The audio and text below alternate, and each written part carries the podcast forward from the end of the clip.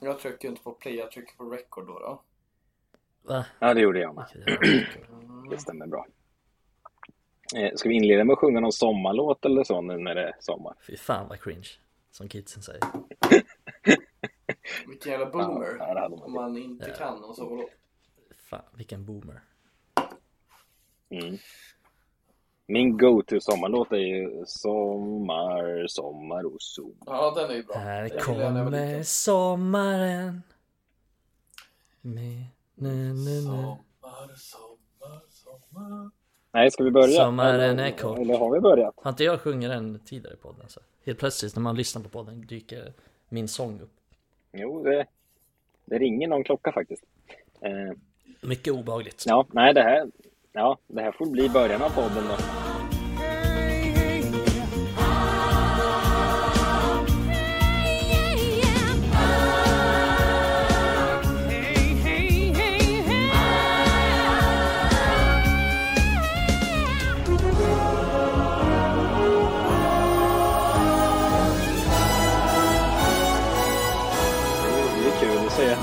På något roligt varje gång. Nu får det här bli början. Sommarlåtar som inte sjungs. Nu tycker Mikael att det är jobbigt för han har sjungit igen i podden. Ja, det är inte så att jag lyssnar på de här jävla avsnitten ändå, men skulle jag tvingas lyssna på det här då skulle det bli jobbigt ska jag säga. Ja. ja, för er som inte hör vilka vi är här så är det ordinarie trio. Jag sitter instängd i en garderob i Stockholm, har precis kommit hit från Sundsvall. Dit jag slipper åka på hela sommaren nu för mina trötta studier där uppe. Det är skönt, men eh, jag fick inte med mig min eh, poddmix. Jag sitter med airpods. Ber om ursäkt till alla som stör sig på dåligt ljud. Vilket är de flesta. Ja, det Men, är eh, många som gör det. Mm, det, det ska man göra också. Men ni sitter där ni sitter tänkte jag säga. Där ni brukar sitta. Adam får inte komma hem ikväll har jag hört, eller vad sa du? Nej, precis. Det stämmer. Jag ska sova på en uteservering på O'Larrys i Katrineholm. Finns O'Learys i Katrineholm? Nej, Ja, det finns ju typ Harrys eller någonting. Jo, men Harrys fanns och nu finns O'Larrys när Harrys dog. Fan. Eh, sen har vi Pinchos också. Sambo var på Pinchos igår och käkade med sin morsa och sin syrra. Pinchos är sorgligt. Ja. Så kom, så Fortsätt. kom hon hem. Så kom hon hem och sa så här, så här.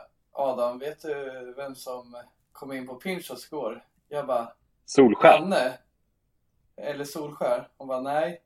Det var Helge Fossmo. Jag bara, fan vad nice. Då har vi något att prata om i podden imorgon. Hon bara, nej. Det kan ni inte göra. Kan vi inte, sa jag.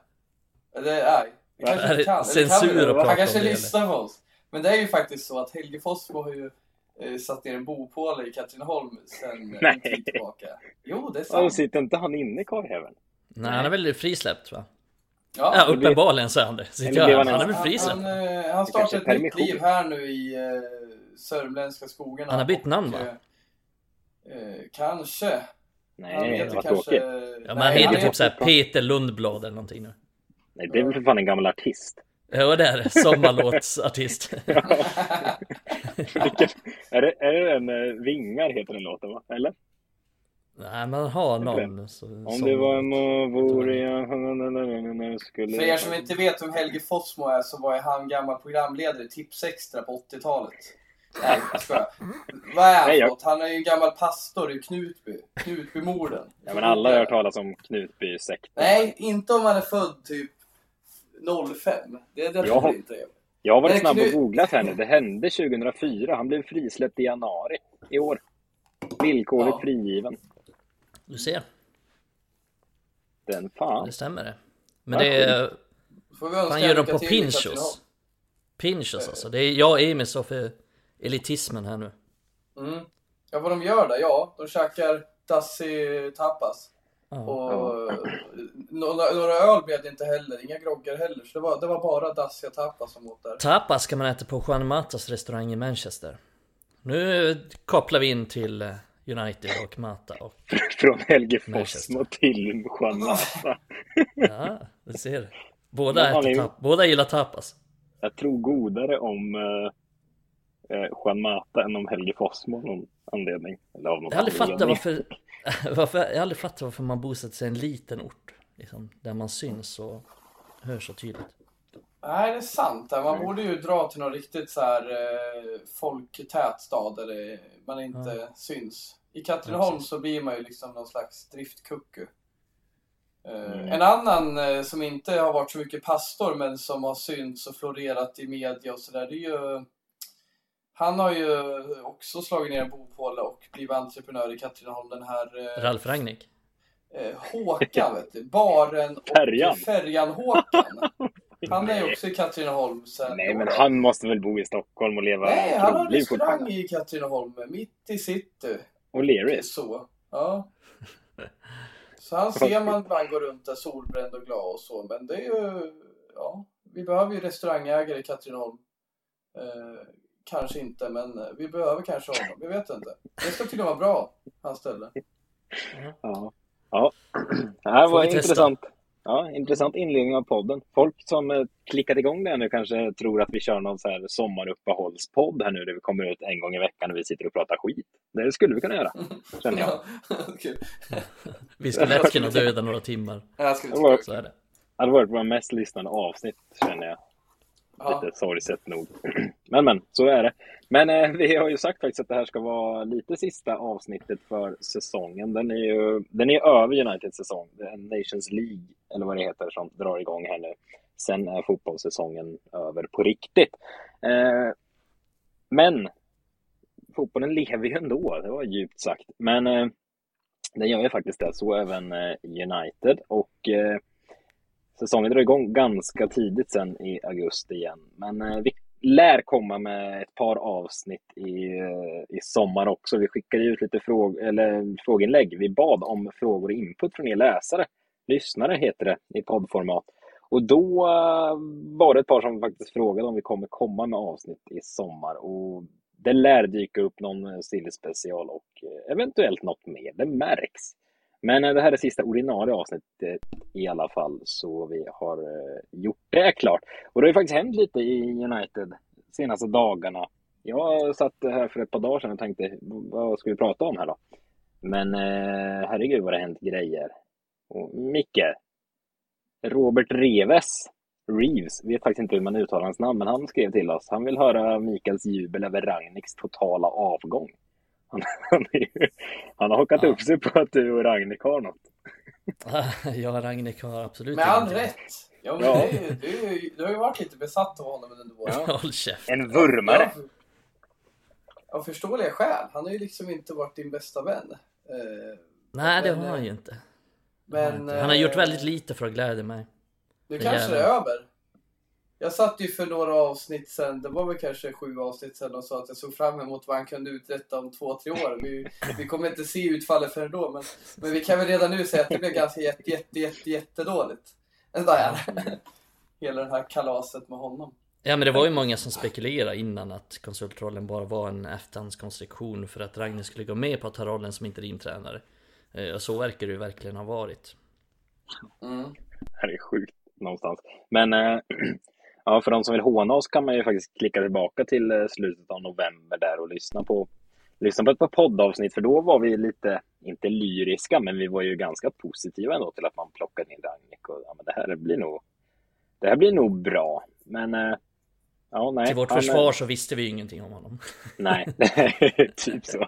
Nej, och vi Men, satt och eh, hyllade honom i december med när vi hade sett några insatser. Det såg ju väldigt Ja. lovande ut, men Mm. Det var ju som en, eh, ett fritt fall. Det började i toppen och det slutade i den absoluta botten. Det sjukaste är att det blev, liksom, man trodde inte det kunde bli sämre än under Solskär, men det blev det faktiskt. det är Det blev fantastiskt. ännu sämre än den där kaosinledningen vi hade med Solskär. Ja, det är fan Ja. otroligt. Det, Det är faktiskt det otroligt vara att, inte, att han inte att fick det. kicken. Ja. Ja. Ska vi, vi tänker alla lyssnare kanske inte har eh, uppmärksammat vad som hänt. Eh, Ragnik skulle alltså nu efter sin eh, tränargärning, om man nu får kalla det det, kliva över någon form av konsultroll här när Erik Ten Hag kom in som tränare. Men det blev kommunicerat här häromdagen att han försvinner helt och hållet. Det blir inget av den här konsultrollen eller vad fasen han skulle göra. Mm. Det, det är lite oklart och vi kan ju bara spekulera i exakt vad som hänt. Micke, du hade teorin där att det, det är lite efterhandskonstruktion, att man inte riktigt hade någon konsultroll åt honom kanske. Sen vet jag, det har ju varit uppe på bordet också att eh, Ten Hag kanske tyckte att eh, vi vinner inget på att ha den här nissen här och sen kan det vara att styrelsen, ledningen blir trött på att han är ute och svingar i media hela tiden, att ta det här internt. För John Murtagh har varit inne på det, det har väl sipprat ut att uh, han har försökt att lugna dig nu Ragnhild, du kanske kan ta lite internt. Det är ju svårt för oss att spekulera, eller vad, vad tror ni? Vad vi, ska vi spekulera ens? Jo, men jag tror väl att det är väl en, en kombination av de sakerna. Adam var ju lite inne på det eh, tidigare om att eh, Ten Hag inte lät alltför imponerad under presskonferensen av liksom Ragniks roll. Så att han verkar ju ha haft lite att säga till om där kanske.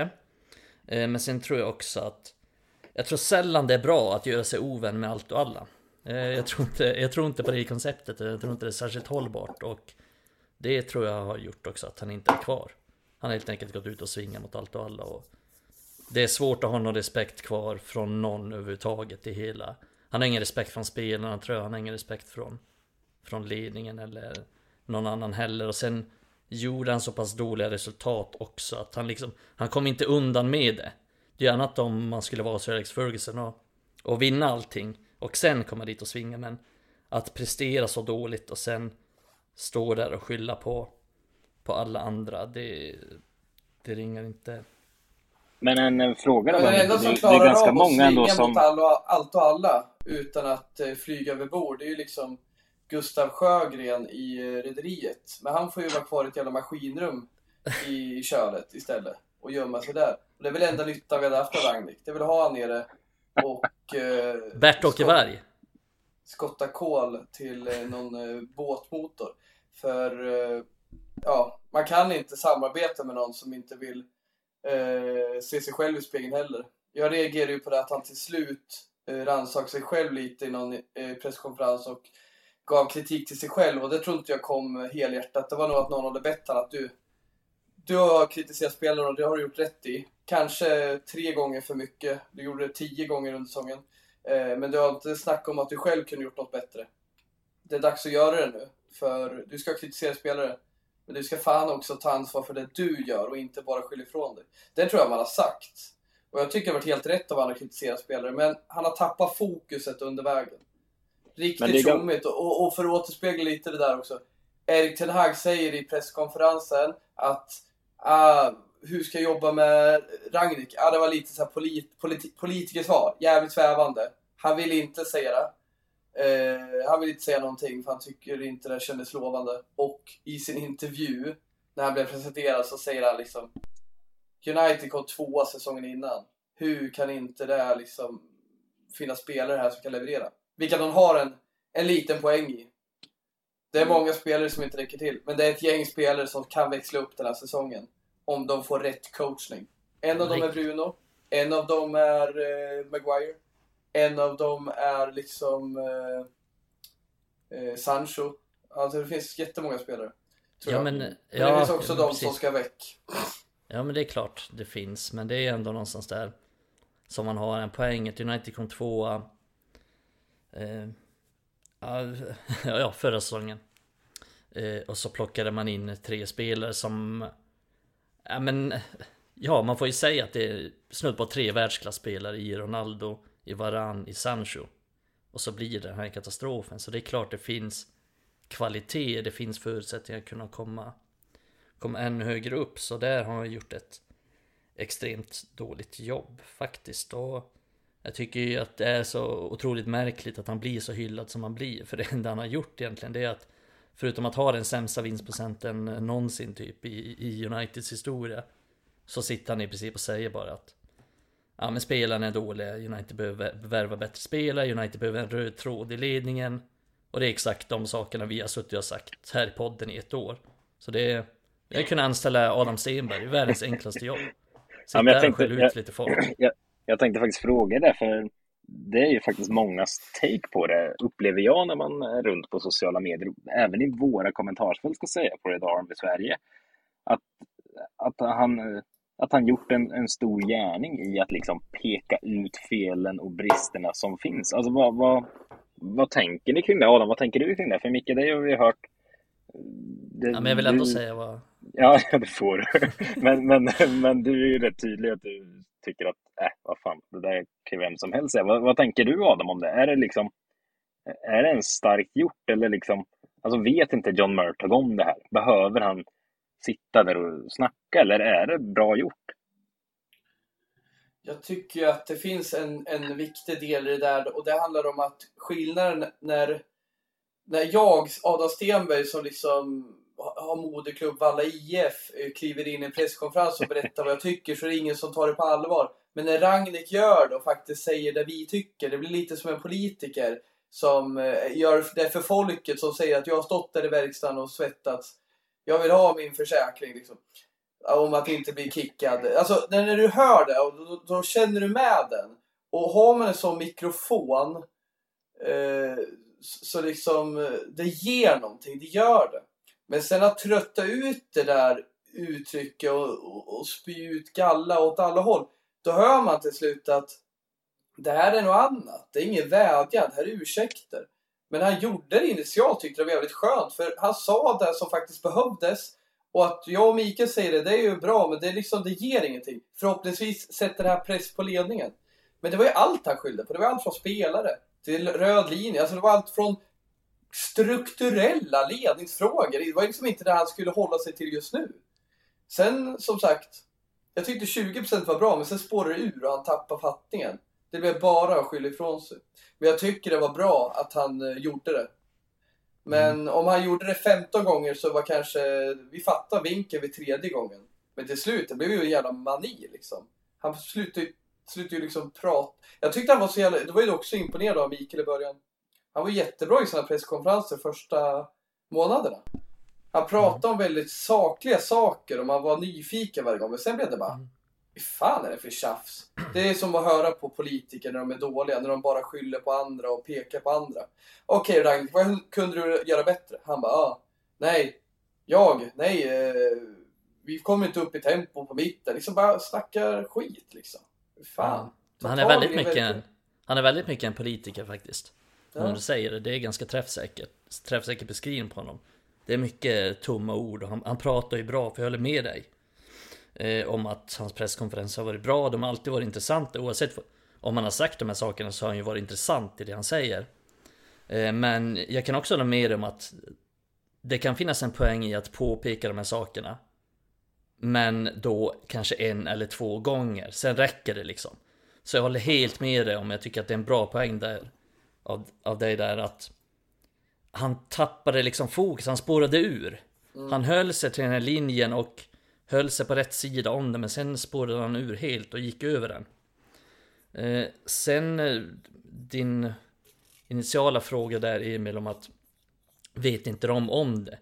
Det är klart de vet. Fan, vi vet ju om det. Vi sitter här och diskuterar, vi har suttit och diskuterat hur länge som helst. Det är klart att folk som typ John Murtog som har jobbat på den allra högsta nivån. Han har ju varit i Premier League, i Everton i liksom 20 år och jobbat. Det är klart att han fattar de här sakerna. Det är det som jag reagerar på så mycket att folk hyllar. Att han har sagt saker som, som ingen vetat om. Hur många, hur många finns det i United som jobbar med fotboll på heltid? 50, 60 pers? Ingen aning. Men det är helt bisarrt att tro att ingen av dem vet om de här sakerna. Det är klart att de gör. Grejen är ju att de inte haft mandat att ändra det. Det är svårt liksom Säg att man jobbar i receptionen på ett jobb. Det går liksom inte att, att ändra saker därifrån. Man måste ju få mandat och makt att kunna göra det. Annars är det ju helt poänglöst. Man kan inte... John Murtock kan liksom inte sitta på en låg position och sen bara knacka på oss på, på, oss, eh, på oss Woodward liksom bara Vad fan håller du på med din jävla tjomme? Vi måste ändra det här och det här. Det funkar inte riktigt så i de organisationerna. Eh, så det, så det är klart att de har vetat om de här sakerna. Men det gäller ju bara att man får rätt folk på rätt plats som sen kan ta de här besluten. Och, och det jag också utgår ifrån när jag tycker att han spårar ur. Det är att hans jobb var att fixa lång, kortsiktiga resultat. Hans jobb var att få upp humör hos gubbarna och få dem att jobba nu. Och även fast jag håller med hur mycket han säger om gubbarna så var det inte till Uniteds fördel under den här våren när det var stor chans att nå Champions League när våra konkurrenter är chipsnissar som fan inte var så jävla bra men de var minst dåliga Tottenham som gick till Champions League. Så då känner jag liksom att, nej, förutsatt att han skulle varit här i tio år, ja det kanske hade varit magiskt det han gjorde. Men nej, han skulle inte sätta framtiden. Han skulle vara med som konsult, han skulle fixa kortsiktiga resultat. Och det gjorde han fan i mig inte. Och där tycker jag också vi ska ha jag tycker Murtog har gjort mycket bra hittills och det kan ju såklart ligga i också lite vad Ed Woodward har bestämt. För han var ju den som bestämde när eh, Ragnik kom in. Men som jag fattar det så är det ju Murtog som har lockat in Ragnik. För det är han som har haft honom som en slags eh, liten förebild. Att det var en mm. misslyckad anställning. Ja, det, det, var, var inte rätt resurs för att nå kortsiktiga resultat. Var Solskär där? Nej, men vi visste fan inte så mycket om honom. Men det vi vet om Ragnhild att han är en lagbyggare. Behövde vi det nu? Tveksamt. Nej, det är, det är lite... Det tänker man mycket på så här i efterhand att varför tog han in honom egentligen kortsiktigt? Det är svårt att svara på men lyckat det blir det inte. Nej. Det kanske var det som fanns tillgängligt då som inte var Steve Bruce eller Neil Warnock liksom. Ja, Steve det, Bruce var ju mitt förslag i och för sig. Ja det minns jag. Ja, precis. Mm. Men vet du vad, det kanske fan inte hade blivit sämre. Det tror jag inte. Jag tror fan inte det blir så. Vi hade haft fler poäng eh, hade vi avslutat Premier League med. Sen ja, jag tror jag med vet jag inte om något annat hade blivit bra. Men, men, eh, men eh, på tal om eh, anställningar och så vidare och så vidare så har det ju ramlat in ytterligare en sån. Det har ju rensats och det har satts in ny personal och hej och hå. Och eh, igår var det väl det kavlades ut nyheten att vi har en ny biträdande fotbollschef eller vad nu titeln blir på på svenska eh, och vi fick in en hel del frågor som sagt. Så ska ändå lyfta att Marcus Falkstedt skickade in just eh, att vi gärna fick prata om det här. För Andy O'Boyle kliver in som biträdande fotbollschef. Vad, vad innebär det här egentligen? Eh, vem, vem vill ta pucken? Vi vet inte exakt såklart, vi sitter inte med i något styrelserum. Men eh, Micke, du brukar vara vass här. Vad, vad kommer han göra ungefär? Ja, alltså om vi ska ta det lite från början för det är ju Sen organisationen är ju ganska komplex och så här med alla olika roller med fina titlar men John Murtag är ju fotbollsdirektör och han Liksom han överser alla verksamheter, ungdomsakademin A-laget, damlaget, eh, rekrytering, medicinska teamet och så vidare. Kort och gott kan man ju säga liksom att han, han är allas chef.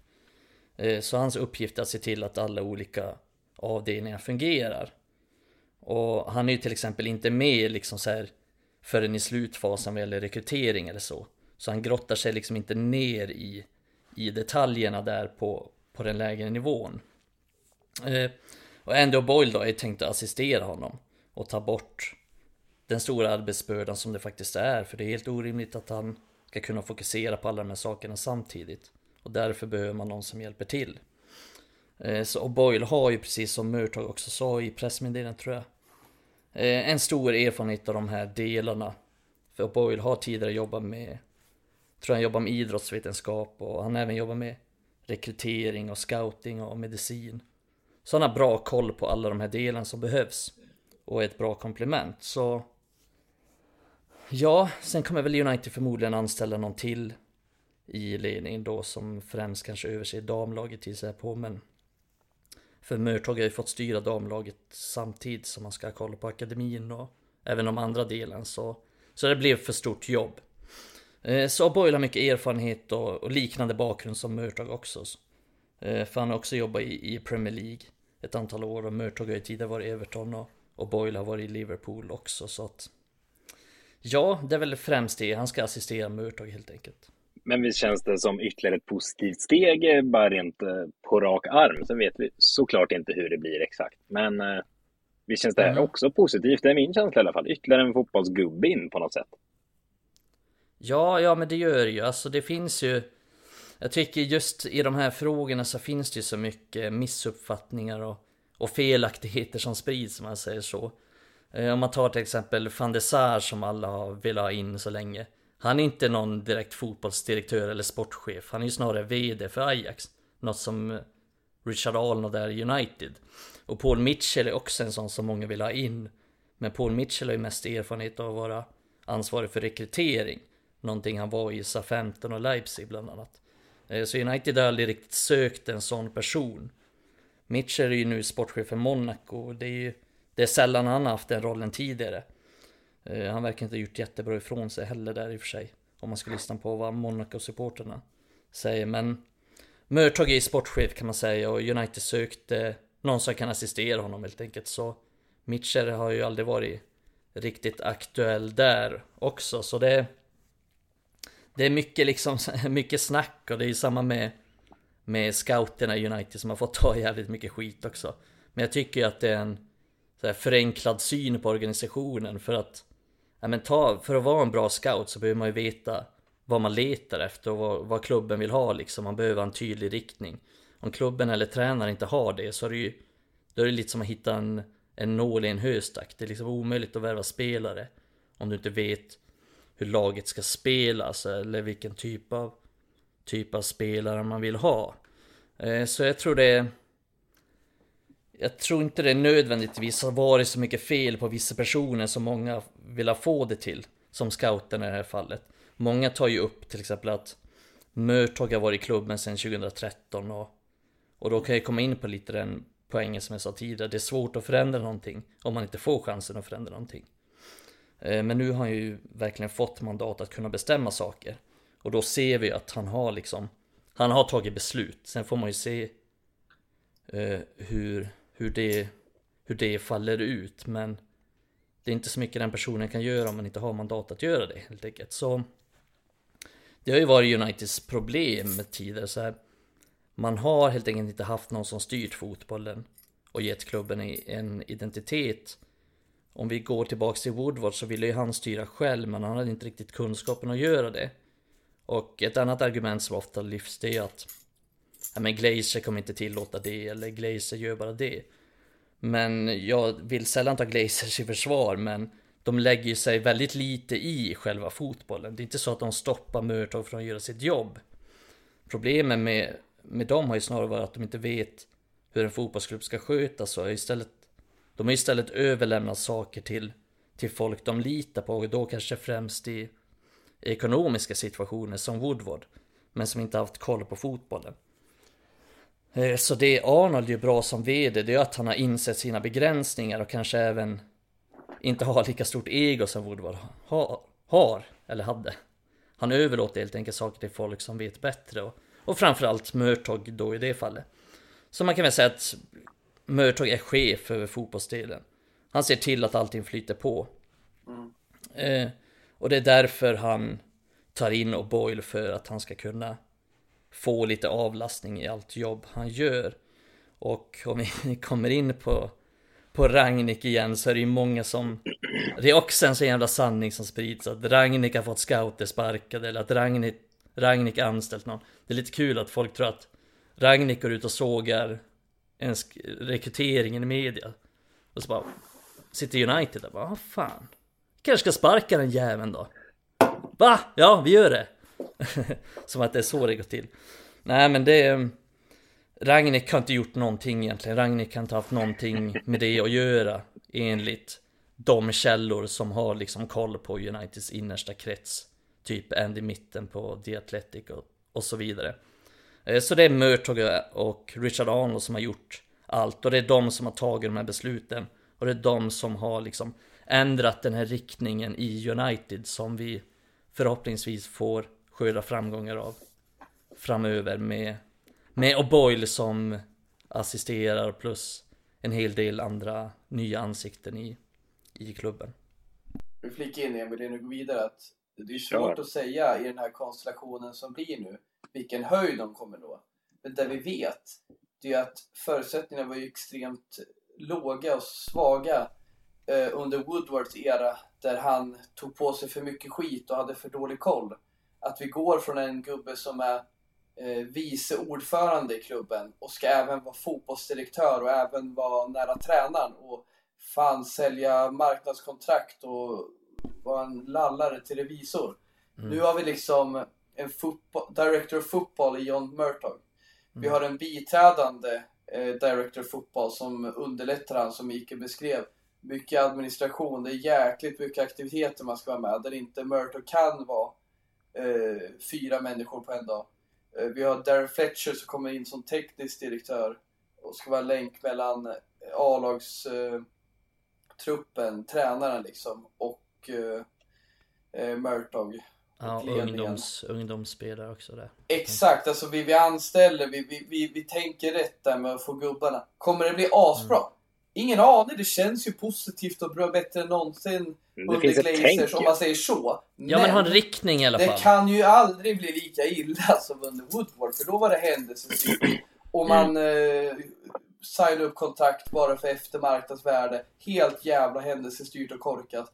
Och man blev mm. upplurad av agenter som eh, vad heter den där dåren? Mino Raiola och eh, de här andra svenska agenterna och alla möjliga trattar vi har i världen som bara lurar upp dem på läktaren och har noll koll. Men nu tror jag i alla fall att det kan bli bättre. Sen kan man sitta och säga att de är också dåliga. Det kanske de är. Men jag tror aldrig det kan bli lika dåligt som under sopan Woodward. Aldrig. Nej, precis. Alltså de kanske är dåliga, det får vi utvärdera sen. Det, det är ingen som vet, det går inte att säga. Då byter man ju ut den känns det som. Ja, men alltså, skulle O'Boyle vara kass nu så byter man ju ut honom Exakt. till nästa man tror är vettig. Likaså med Ten Hag. Det känns som mm. det är genomtänkt också. Visar det sig att det inte funkar med honom så tar man in någon annan som man mm. tror funkar. Man tar inte bara Ole Gunnar för det känns gott i kistan liksom. Ja, men ja, som Mikael nämnde, Paul Mitchell. Ja, men man kanske inser om tre år ja, men vi behöver någon som fan fokar på rek eh, re eh, rekryteringarna och eh, hjälper scouterna och lokalisera talang. Det har Mitchell gjort jättebra under sin tid i England. Samtidigt, fan, vad skapar egentligen Darry Fletcher för värde? Han är ju fortfarande på sig den där jävla västen eh, som lyser gult, som man hade på träningen igår. Vad fan, ska vi inte byta här?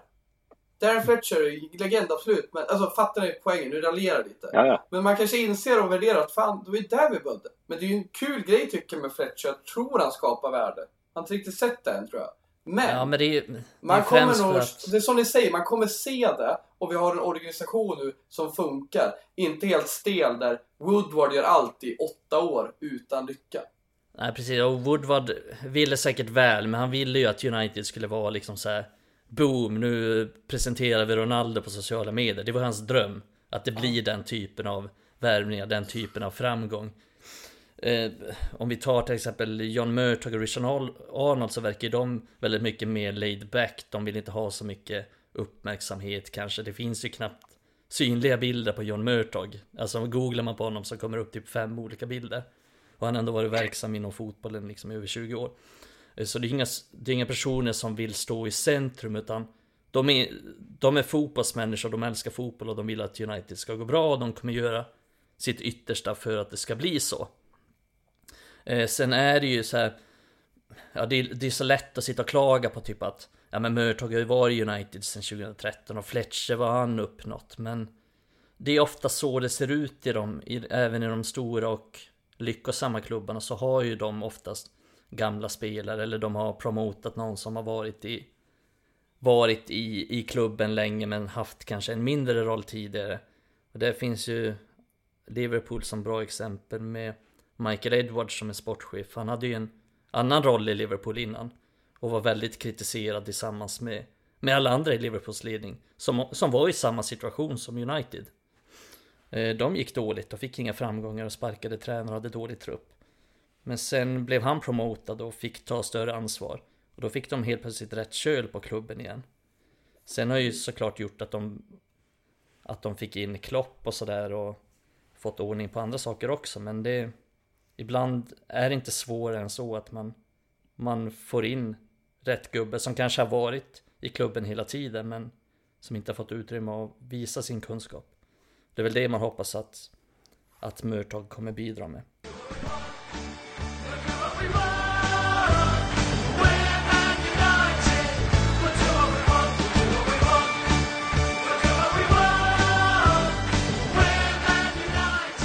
Yes, vi ska... Vi skulle ju avhandla en massa lyssnarfrågor, så det tycker jag vi ibland vi slänger oss in i nu. Eh, känner jag omgående här. Eh, släpper vi våra egna tankar och dyker ut i lyssnarnas tankar. Eh, tänkte jag ska börja med en som vi fick in för ett par veckor sedan faktiskt, från Gabriel Larsson som skickade till oss. Den har jag sparat lite på, för den tänkte jag den här kan vi ta någon gång. Så nu slänger jag in den här. Hänger ni med nu? Mm. För det gör knappt jag kände jag nu när jag läste den här. Så dåligt förberedd idag när jag åkte bil i fyra timmar.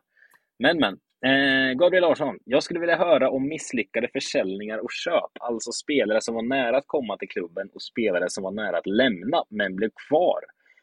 Eh, och det finns såklart några. Jag tänker främst på SMS i Lazio, Sergej Milinkovic-Savic. För det ryktades en sommar som lät att han var väldigt nära att komma till United. Så med andra ord lite, lite sådana rykten som aldrig eh, slagit ut gissar jag att eh, Gabriel är ute efter. Det. Milinkovic Savic var ju en våt dröm för många för ett par säsonger sedan. Sen blev det aldrig något. Han hänger väl kvar i Lazio än idag vad jag vet. Och tar man misslyckade försäljningar och värvningar så tänker man osökt på Pogba, men han, han blev ju av så att säga. Har ni någon, eh, någon Sergej Milinkovic Savic-gubbe ni tänker på? Jag kommer att tänka på Nicolas Gaitan som det pratades om i 88 transferfönster i rad för några år sedan. Ja, de är så uttjatade Spelar han fotbollen? Gaitan och Schneider, den snackas ju alla om hela tiden. Liksom. Men, Och Snyder. men Hazard är honom vi idag? nämnde för några avsnitt sedan som är jävligt eh, bortglömd liksom. Men han var extremt nära eh, klubben. Mm, han valde ju Ja. mellan Chelsea och United. Det var ju... Ja, han höll på att gjorde en jävla grej av det på sociala medier. Ja, bara, ah, ska jag välja blått eller rött? Han bara, nästa år kommer jag spela i blått. Och United-fans bara, ah, men det är vårt tredje ställ. Ja, det är Ja, precis. Men det var ju en ovanlig situation för att Lill, som han kommer från här för mig, Mm. accepterade ju både Uniteds och Chelseas bud. Så att det var ju liksom... Han, dro, han drog lott om vart han skulle. Football manager är det. Ja. Ja men det är, det är en ovanlig sits. Det är inte så jävla ofta det händer. Tänkte du säga Emil, har du sett bilder på Schneider? Ja, han är, det är otroligt. Det är svårt att veta Han om det är är- han eller Thomas Brolin eller Helge Fossmo. Ja, jag hade den spaningen på eh, Casemiro. Vi sa den i podden, va? Nej, jag tror inte jag sa- sagt den i podden. Att Casemiro kommer ju ett halvår efter han lagt ner sin fotbollskarriär så kommer han väga en god bit över 0,1 ton. Ja. Det, Men brassar har Tror jag jättelätt vikt verkar det som. det känns som. Eller så lever de bara så fruktansvärt gott. Ja Kan men det så. ska de väl fan göra också. Helt Ja, det är klart. rätt. Ja, ja, det, Marcelo är en sån ner på också. det. Jag hyllar det. Jag kan se Marcelo, den jävla vänsterbacken Real. Fan, jag kan se honom glida runt på så här offensivt mittfält Ja, i en han- lägre division eller någonting.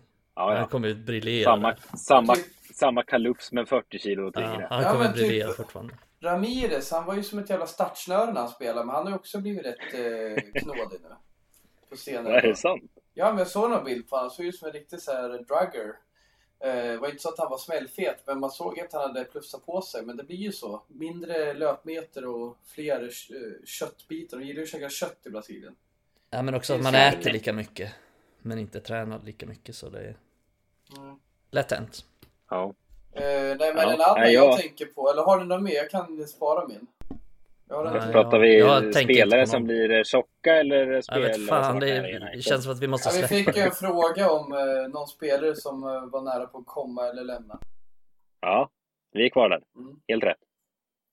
Vem tänker du på? Ja, de Gea var ju nära på att lämna Real, tänkte jag säga. Lämna United för Real. Det var ju en fax som pajade. Faxmaskinen, vilken Ja, klassiker. jag, är ju, jag är helt övertygad om att det var det var van Schaal som kortslöt eh, anslutningskabeln till den här faxen för att rädda situationen. Fantastiskt att faxen eh, ändå Ja, fax har liksom. en central roll en god bit in på 2000-talet. Ja, Ja, det är magiskt. Man jobbar med fax. Har någon grävt i det? Är det verkligen en fax? Eller Ja. har man bara liksom... Herregud, ja. Jag kommer ihåg, fan jag följde den där jävla silly season då. Ja, jag minns också, men Satte var sig det inte på verkligen en natten. fax? Ja, det var en fax. Vem faxar? Ja, men de stod ju där och bara väntade på det pappret, det kom ju aldrig. Det bara stod där och slog. Nej men då! Liksom stod och bara kom ut Slog på pappret. maskinen. Por favor! Det är fantastiskt. Ja, Ja, herregud. Nej, det, det finns många roliga sådana här historier. Vem var det? Eh, nu tänker jag på någon Premier League-spelare. Vem fasen var det som eh, åkte iväg och vinka på träningsanläggningen och hade sitt Peter Var det Odden Odden Winge? Just det. Han satt ju och väntade. Han bara, ja, jag är snart klar för, för vad var det? Uh, var någon QPR? QPR va? Ja. Han, skulle åka, han hade åkt från Birmingham i sin Fiat Punto. West Bromwich ja. Bara satt och väntade. Ja, fy fan Satt sjukt. väl en upptryckt sån matchtröja när han väl kom tillbaka med svansen mellan benen till eh, träningsanläggningen vill jag minnas. Det är väldigt kul. Nej, vi kanske får anledning att återkomma till Gabriels fråga. Jag måste suga på den karamellen känner jag. Nu kom frågan för två, tre veckor sedan, men skulle behöva suga ännu mer på den karamellen för att komma på. Lyssnarna får höra av sig om ni har någon skön lirare som eh, varit och nosat på United, men, eh, men det aldrig blev något av.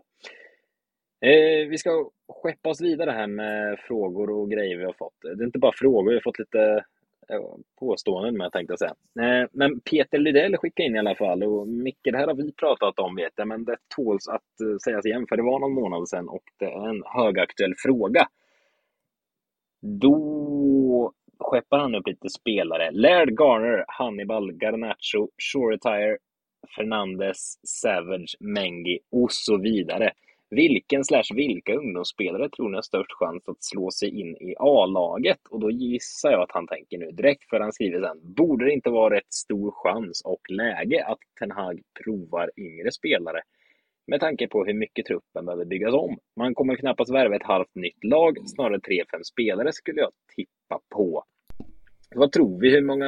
Det här är ju en fråga som sagt vi har diskuterat och jag bollar den med mig själv eh, om dagarna tänkte jag säga. Men alltså hur många spelare kommer, alla de här nämnda spelarna kommer säkert få åka med på någon sån här sommar eh, på turné Bland annat kommer de till Oslo och möter Atletico Madrid. Men eh, alltså, vilka kommer på allvar knacka på dörren? Hur många kommer på allvar knacka på dörren? Kommer vi liksom se tre ungdomar i startelvan i Premier League dra igång i augusti? Eller kommer det vara en som sitter på bänk? Eller vad, alltså, vart, vart är era förväntningar? Ja du. Det är den som kan Ja, vart dina svara på det. förväntningar är kan du faktiskt svara Ja. på. Nej men alltså på, med tanke på hur många som lämnar så tror jag ändå en del av truppen kommer fyllas på med, med lite yngre spelare. Huruvida Erik Ten Hag vill spela den eller den spelaren känns faktiskt helt omöjligt att svara på så jag tänker inte ens spekulera allt för mycket i vem han... Men Savage kan jag säga direkt, hoppas han inte lyssnar, sorry. Det är ingen spelare som jag tycker är bra nog för United. Tror den lyssnar? Ja, det tror jag. Ja. Han översätter min röst. Bara min. Era stänger Ja. inte. Ehm, Mengi får nog också det svårt tror jag. Nu i alla fall. Han blir säkert utlånad. Eh, Shoretier är, tycker inte jag är riktigt redo. Och inte heller Garnacho. Så jag skulle vilja säga att Laird, Garner och Hannibal, kanske Fernandes borde ligga hyfsat till om de imponerar på försäsongen. Hannibal är väl en spelare som jag tror Ten Hag kan gilla då han tickar alla boxar på vad United vill ha nu i mittfältare och hur jag tror att Ten Hag kommer spela. Han har ändå väldigt bra löpkapacitet och, och teknik och vilja och den här mångsidigheten i sitt spel men också ett väldigt bra passningsspel och han är liksom väldigt allround som mittfältare så jag tror att det är en spelare som Ten Hag gillar. Så förmodligen Laird, Garner, Hannibal. Är väl de som ligger närmast till. Garner ska väl blir väl en spelare som jag tror att Ten Hag kommer utvärdera på försäsongen och sen bestämma sig om man har kvar honom eller om man lånar ut honom. För där är United ett ganska bra läge att man kan låna ut honom till Nottingham förmodligen som ju kommer spela i Premier League. Men att man också kanske kan ha användning för honom i, i truppen som truppspelare. Jag tror inte Garner liksom Jag tror inte Garner kommer vara ordinarie på Uniteds mittfält. Speciellt inte om man får de Jong. Men jag tror att han kan vara en truppspelare. Han är ju liksom Han är inte sämre än vad McTominay är till exempel. Eh, Så det är väl dem. Sen har ju Ethan Laird en väldigt bra chans. Om han imponerar på försäsongen. Så det ska bli spännande att se. I brist på annat kanske? Ja, Eller nej, men lite de, så, Det, det eftersom- handlar väl de flesta om i och för sig. Ja, nej, Garner hade väl inte varit högaktuell heller om vi hade tre riktigt vettiga in i mittfältare kanske. Nej, kanske inte det. Så, så det, det finns ju en chans för dem om de imponerar på försäsongen. För jag känner ju mycket att alla börjar på noll så att säga. Någonstans så. Jag tror inte Ten Hag har några så tydliga favoriter. Utan han, han vill se Se hur de presterar på försäsongen och han vill se vilka som gör så som han vill spela och så. Så kommer han använda dem. Jag tror inte att han Att han kommer ha någon liksom så här att han kommer förlita sig på den eller den utan han, han, kommer, ta, han kommer välja de spelarna som, som passar bäst in i hur han ser på fotboll. Oavsett om de är 19 år eller 28 år. Mm. Jag tänkte vi kanske kan säga det också. Vi har faktiskt fått in en hel drös frågor och det kommer in med jämna mellanrum i våra kommentarsfält och så också kring vilka spelare vi tror kommer passa under Ten Hag och vilka som kommer passa sämre och hur han kommer spela. Och det, vi pratade faktiskt om det innan vi började spela in här idag. Vi vet ju inte, så vi känner att det är ingenting vi vill spekulera i. Ingen av oss har följt Ajax liksom kontinuerligt så. Eh, jag tror jag har sett två Ajax-matcher hela säsongen och då visste jag i början inte att Ten Hag var aktuell, så jag liksom inte suttit och spanat. Så, nej, men vi, vi landar i det att vi, vi vet inte riktigt. Vi kan bara spekulera precis som alla andra. Jag vet liksom inte. Ja, vi kan återbesöka dig i höst efter några träningsmatcher och spekulera ja, närmare. Då ska vi verkligen ta upp det. Ja. Sen kan väl säga avsnitt 124 av Red Army Sverige-podden får ni jättegärna lyssna på, ni som inte gjort det. För då gästades vi av eh, William Edström som eh, håller på Ajax och själv har en podd om just Eredivisie. Eh, holländska ligan, nederländska ligan. Vad fan heter den? Eredivisie. Hopplöst det där språket. Men eh, han eh, gav oss eh, ungefär eh, en trekvarts, tror jag, genomgång av Wentenhage och vad han har, hans gärning i Ajax. Så lyssna jättegärna på det, ni som inte gjort det, för där, där får man sig en bild i alla fall. Men eh, det är ungefär så långt eh, vi har våran bild, så vi ska inte sitta och gissa om Rashford kommer passa där eller om Maguire kommer lyfta. Det, det är så svårt att säga och som Micke var inne på, det känns som alla spelare kommer starta lite på noll nu. Jag tror inte Ten Hag har lyssnat jättemycket på Ragniks utvärdering av alla spelare. Nej, verkligen. Eh, Han gör tvärt emot vad Ragnik säger så ska det nog gå bra. Mm. Och idag är ju första juni när vi spelar in här faktiskt och då är det officiella dagen som Ten Hag kliver på sitt, sitt uppdrag och både Lingard och Pogba har ju kablats ut här när jag satt i min bilfärd förut att de lämnar. Så det, ja, börjar röra på sig nu. Vi ska inte prata mer om det. Vi har pratat om Pogba och Lingard förr och det var så väntat att de skulle lämna. Så vi går vidare till nästa fråga som vi fick in från Aras via Twitter. Diskutera gärna varför klubben fortfarande jagar spelare som inte vill spela för klubben. Har vi inte lärt oss, eller ledningen, har inte de lärt sig något än? Vad tänker ni kring det? Ja du, jag vet inte om jag tycker att det är en så dålig grej. Eh, man behöver inte alltid få till någon form av över... Alltså, man måste ju ändå på något sätt övertala en spelare om de ska komma till klubben. Alltså man måste övertyga dem om ett slags projekt. Eh, Mané sa i en intervju här nyligen att han var på väg till United innan innan Klopp övertygade honom att komma till Liverpool. Så det är den typen av grejer man måste göra. Klopp var ju på intervju med United innan Liverpool övertygade honom. Och det finns ju flera exempel från Uniteds från eh, tidigare United också med Roy Keane till exempel för att Ferguson var tvungen att övertyga honom, honom att komma till United. Eh, men sen finns det också den jag, jag skrev på Twitter om det också. Till exempel eh, Ferguson och Gill, David Gill lämnade inte Uniteds akademi i en särskilt bra sits utan på den tiden så förlitade man sig väldigt mycket på att spelare skulle välja United för att ja men United är just United. Men det funkar inte riktigt så. Så till och med spelare som spelade i United, alltså bland annat Darren Fletchers son valde ju City före United. Och City gav spelarna en tydlig plan på hur de skulle utveckla dem, byggde nya anläggningar, moderniserade sin akademi, medan United mest stod kvar där och, och sa ja men kom om ni vill, vi är United.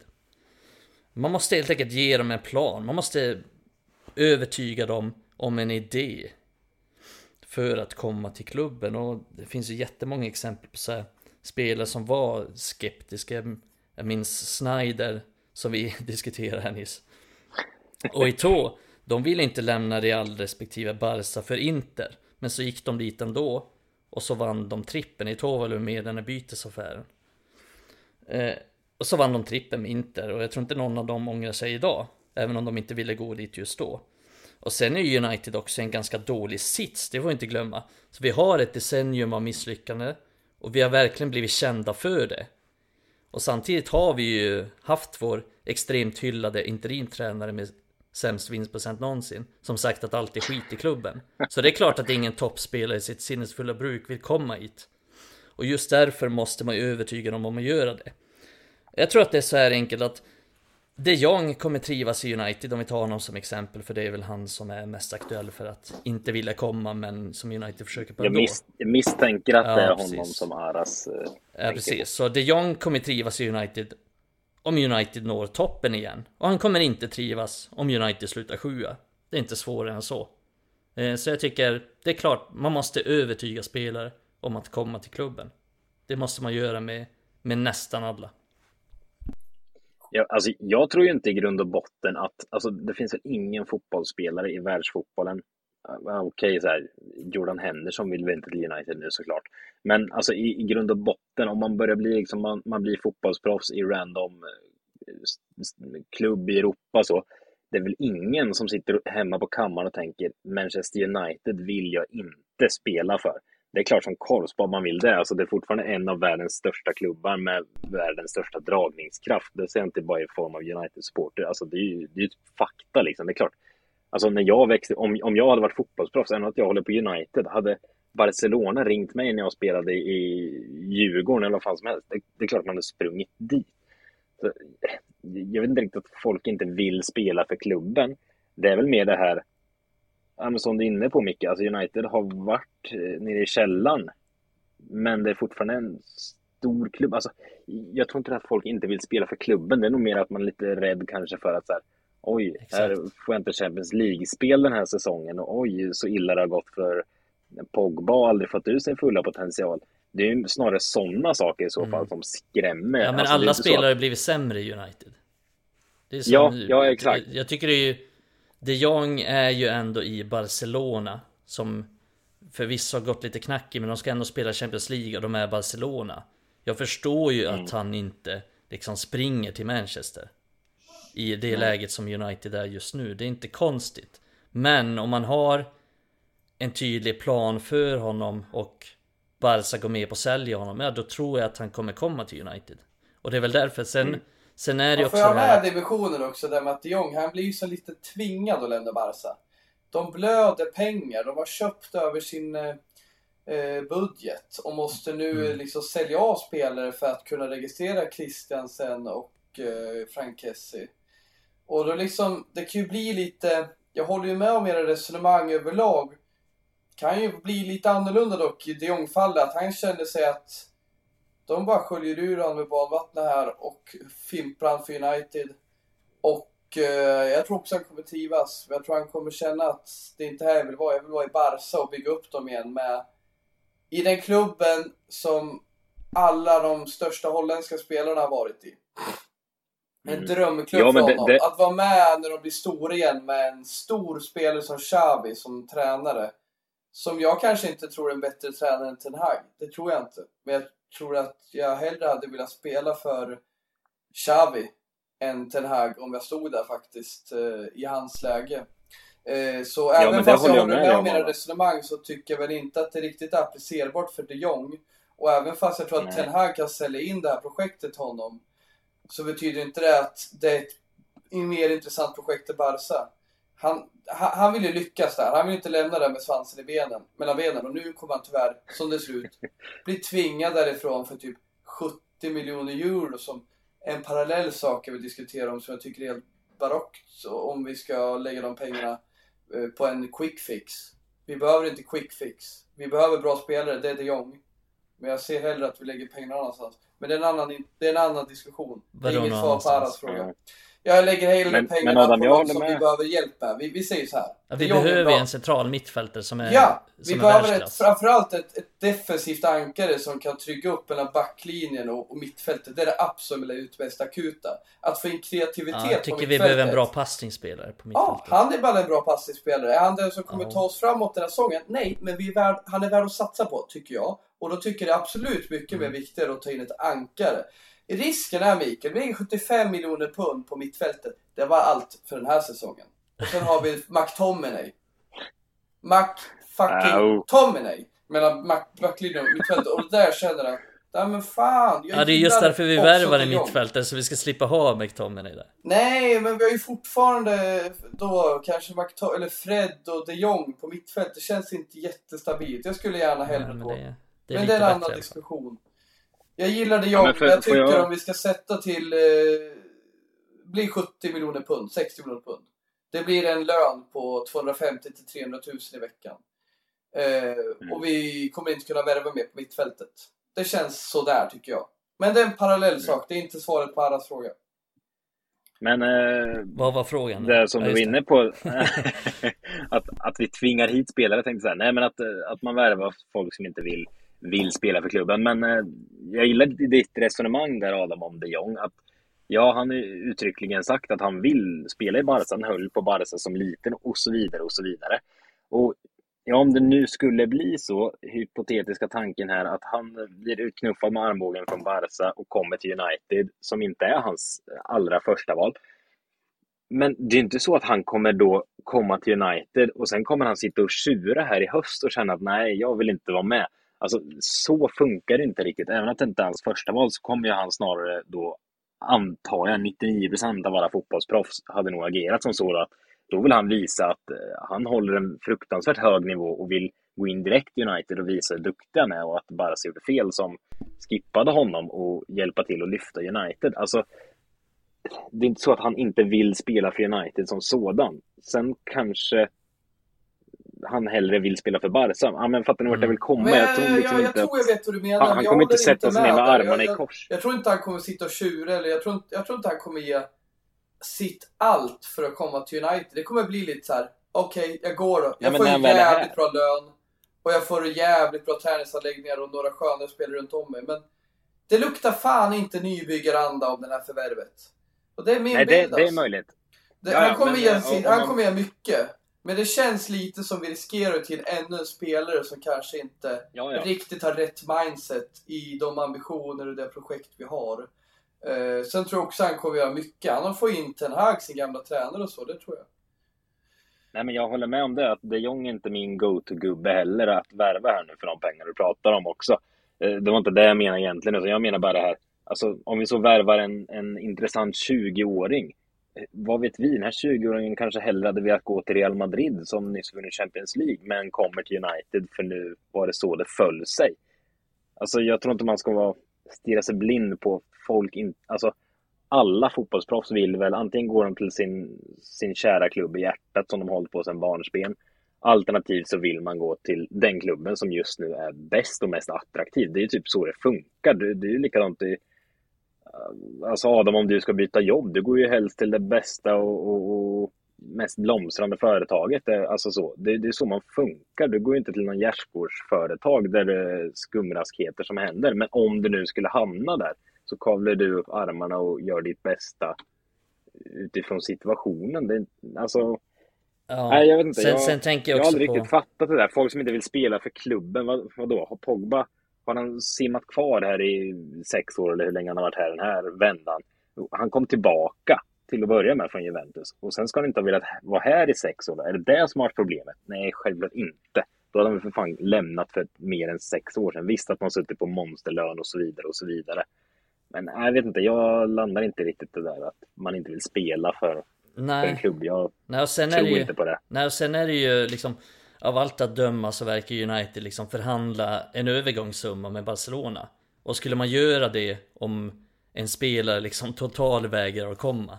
Förmodligen så är han ju lite öppen för att komma eftersom de sitter och förhandlar om en, om en summa. Annars vore det ju helt idiotiskt att bara sitta och förhandla om en summa med en spelare som skulle vägra att komma.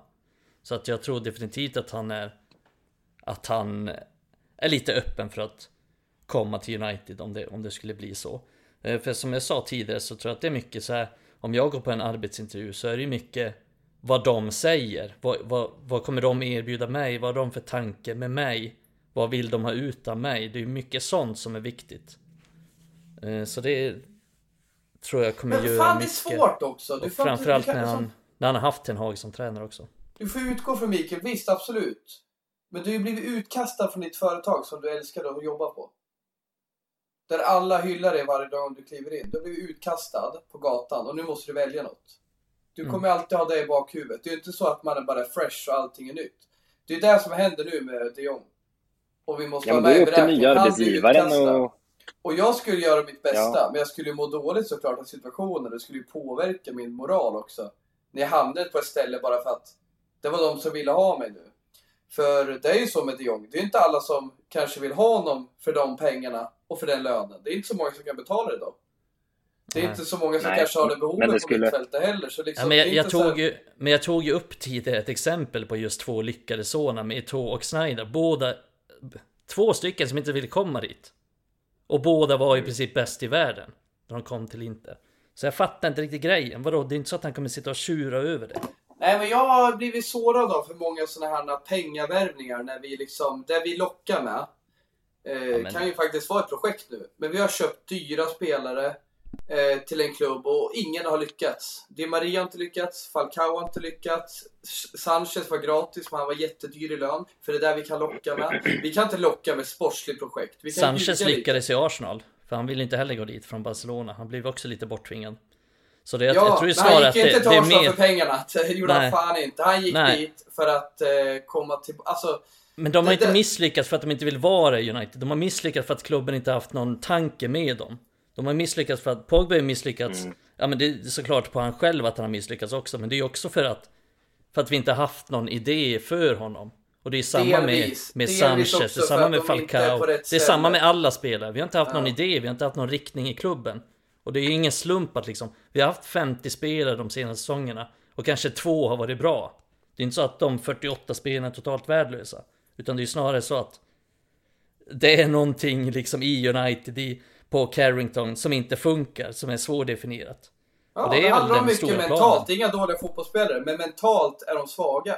Sanchez är Ja, svag men, mentalt. 48 spelare svaga. Sa- Chans- Sanchez svag i United men inte i Arsenal. Ja, uppenbarligen. Vi Nej, trycker ner dem. Vi trycker ner dem i skorna. I den här klubben. Och, och de kommer för jätte, med en jätte-megalön hade Sanchez i den här klubben. Vad fanns det för honom att vinna här? Jo, pengar. Det fanns ju inget annat. Det är där vi kan locka med. Det är samma med Frenkie de Jong nu. Varför går han till United? Jo, för det är de som kan betala hans lön och den summa som Barcelona vill ha. Det är inte därför vi ska jobba med sådana spelare. Då tar jag hellre Frank Kessie som eh, vinner eh, Serie A med Barcelona, eller så, med Milan och istället går till Bar- Barcelona, vilket är helt sjukt. Ja, men kommer vi bli bättre med Frank Kessie? Jag tror att vi kan vä- värva Frank Kessie eh, för att han har inget... Eh, han, han, det är ingen spelare i Serie A egentligen förutom Juventus. Vad vi snackar om honom? Han är väl klar för. Barca? Det var du som frågade. Ja, skitsamma. Nej men vi är oeniga där, det är vi. Men jag tror liksom att eh, vi- ska, jag håller ju med dig att alla spelare inte blivit dåliga bara för att de har höga löner. Men de här kommer till klubben av lite fel anledning. Jag tycker Aras har en bra poäng här. Det är en del som kommer Ja, till det har klubben han av definitivt. Det är en Inte giltig för att fråga. de vill spela Jättebra i fråga. klubben, men många vill ju spela i United för att de är så stor klubb. Vill Frank, Frenkie de Jong det? Nej. Han kanske funderar lite nu för att Ten Hag sitter och skriker i luren på honom. Men annars, det finns ingenting spännande med United just nu. Om ett år eller två, när vi ser vad Erik Ten Hag kan göra, då börjar det hända grejer. Men just nu, det är bara skrämsel, alltså man blir bara rädd. Nej, jag, jag håller med om det. Det finns mycket skit i United och det är det jag sa innan också att det finns inte så mycket som lockar med United nu och det är väl det är därför man ska försöka övertyga honom om att om ett år så finns det det. Nu vet, nu är inte han sagt det här on record men enligt vissa tidningar så ska väl Ten Hag ha sagt att ja, men de Jong vill spela Champions League och då ska Ten Hag ha sagt att ja, det blir, det blir bara ettårig vistelse utanför Champions League. Det kan jag lova dig. Typ så. Men det, det, det tar ju inte Frenkie de Jong. Nej, nej men det, Nej. det är sådana saker man får säga. Och han tror ju på det såklart. Annars eh, är det ingen mening om att han är där om man inte tror på det. Eh, Så det är väl, jag tänker också, det, det, det, går ju, det går ju rätt fort också. Om man nu blir utarmbågad från sin arbetsgivare som man eh, trivs hos och man vill fortsätta blomstra där. Om du nu får en armbåge ut därifrån och, och måste kliva över till någon annan arbetsgivare där du känner att nej, det här var inte det jag ville i första, i första taget. Alltså det går ju ganska fort. Det är ju upp till din nya arbetsgivare då, när du väl är på plats, att få dig att, trivas. Till exempel du Adam, om du skulle byta jobb inom din bransch. Alltså kommer du då med lite hängande huvud till din nya arbetsgivare. Alltså det kan gå på en, två veckor att du känner att så här, ah, men det finns ett driv här, det, det finns ett positivt gäng. Alltså då är du inne i det och känner att äh, fuck gamla arbetsgivare, nu kör vi här. Jag tänker att det är så här, Alltså man men kan inte jag- på förhand i så fall. Utan det är, liksom, det är ju upp till nya arbetsgivaren. Och ja, det har varit skit i United i väldigt många år nu. Men det är mycket nytt som händer. Så skulle till exempel här nu Frenkie de Jong, nu har han fått eh, bli exempel här, men skulle han landa här nu och känna att nej, det här var inte mitt första val alltså. Ja, men då är det upp till United att visa att Mm. jo, det här är en ny arbetsgivare och här kommer att vara kanon och vi vill ha med dig på tåget. Du ska vara en bärande spelare, så höj.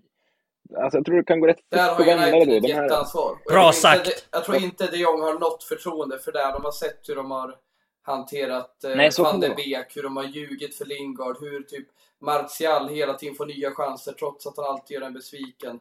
Hur, eh, Ja, hur misskött klubben Men är. Och det är ju United har ju varit- eh, sak. Han, hans agent säger att det här bör du tänka igenom alltså. Den här klubben har pajat Ja. många spelare. Såklart. Men Alexis Sanchez, hade United blomstrat, han kanske hade varit skitbra och liksom vunnit poängligan i Premier League. Mm. Allvarligt, vi har sett hans topp som han levererade innan han kom till United. Alltså, det, det kan vi inte veta, så jag tror sånt spelar in så jäkla mycket. Att, så här, jag tror inte det är att vi har gått dåligt här nu i ett decennium snart. Alltså, jag tror, det har inte att göra med att det har varit 50, 60, 70 spelare som inte riktigt velat spela för klubben. Så enkelt är det inte i min bok. Jag fattar också Aras fråga, men nej, vad fan, det är inte det det handlar om. Alltså, hade Liverpool gått skit, då hade ju inte Mohamed Salah trivts i Liverpool heller. Det är ju med det. Det är inte att han inte vill spela för den klubben. Nej, det är så enkelt. Ja. Går klubben bra så vill folk vara där och går klubben dåligt så vill inte folk vara där. Men, Ja, lite så. Men det behöver inte handla inte bra just om att de inte vill spela i klubben. Det handlar om kanske att de går till klubben av fel anledningar. Jag vill komma hit Ja, och vi kan köpa kan en, göra ett kloppförvärv där man får ut 150%. Eller så köper Mm. man någon som gjort 150% i Real Madrid och får honom att leverera 75%. För anledningen till United var pengarna, inte för ambitionen. Ja. Nej, det håller jag med. Nej, Så Och det behöver ju inte vara svart eller vitt. Det handlar ju inte om 50 spelare Nej, som inte var här. Det handlar ju faktiskt om kanske 10 spelare som inte var här och 40 spelare som kom av eh, jättedålig ambition från klubben. Eller att Mm. de själva hade fel inställning. Men det vi vet, det är att vi har överbetalda spelare i den här klubben. Och det påverkar folk. Då blir de mätta, feta, belåtna och glömmer vad som är viktigt. Det är Och därför det, man har du en ska tränare som fan inte motiverar spela dem. i United för att...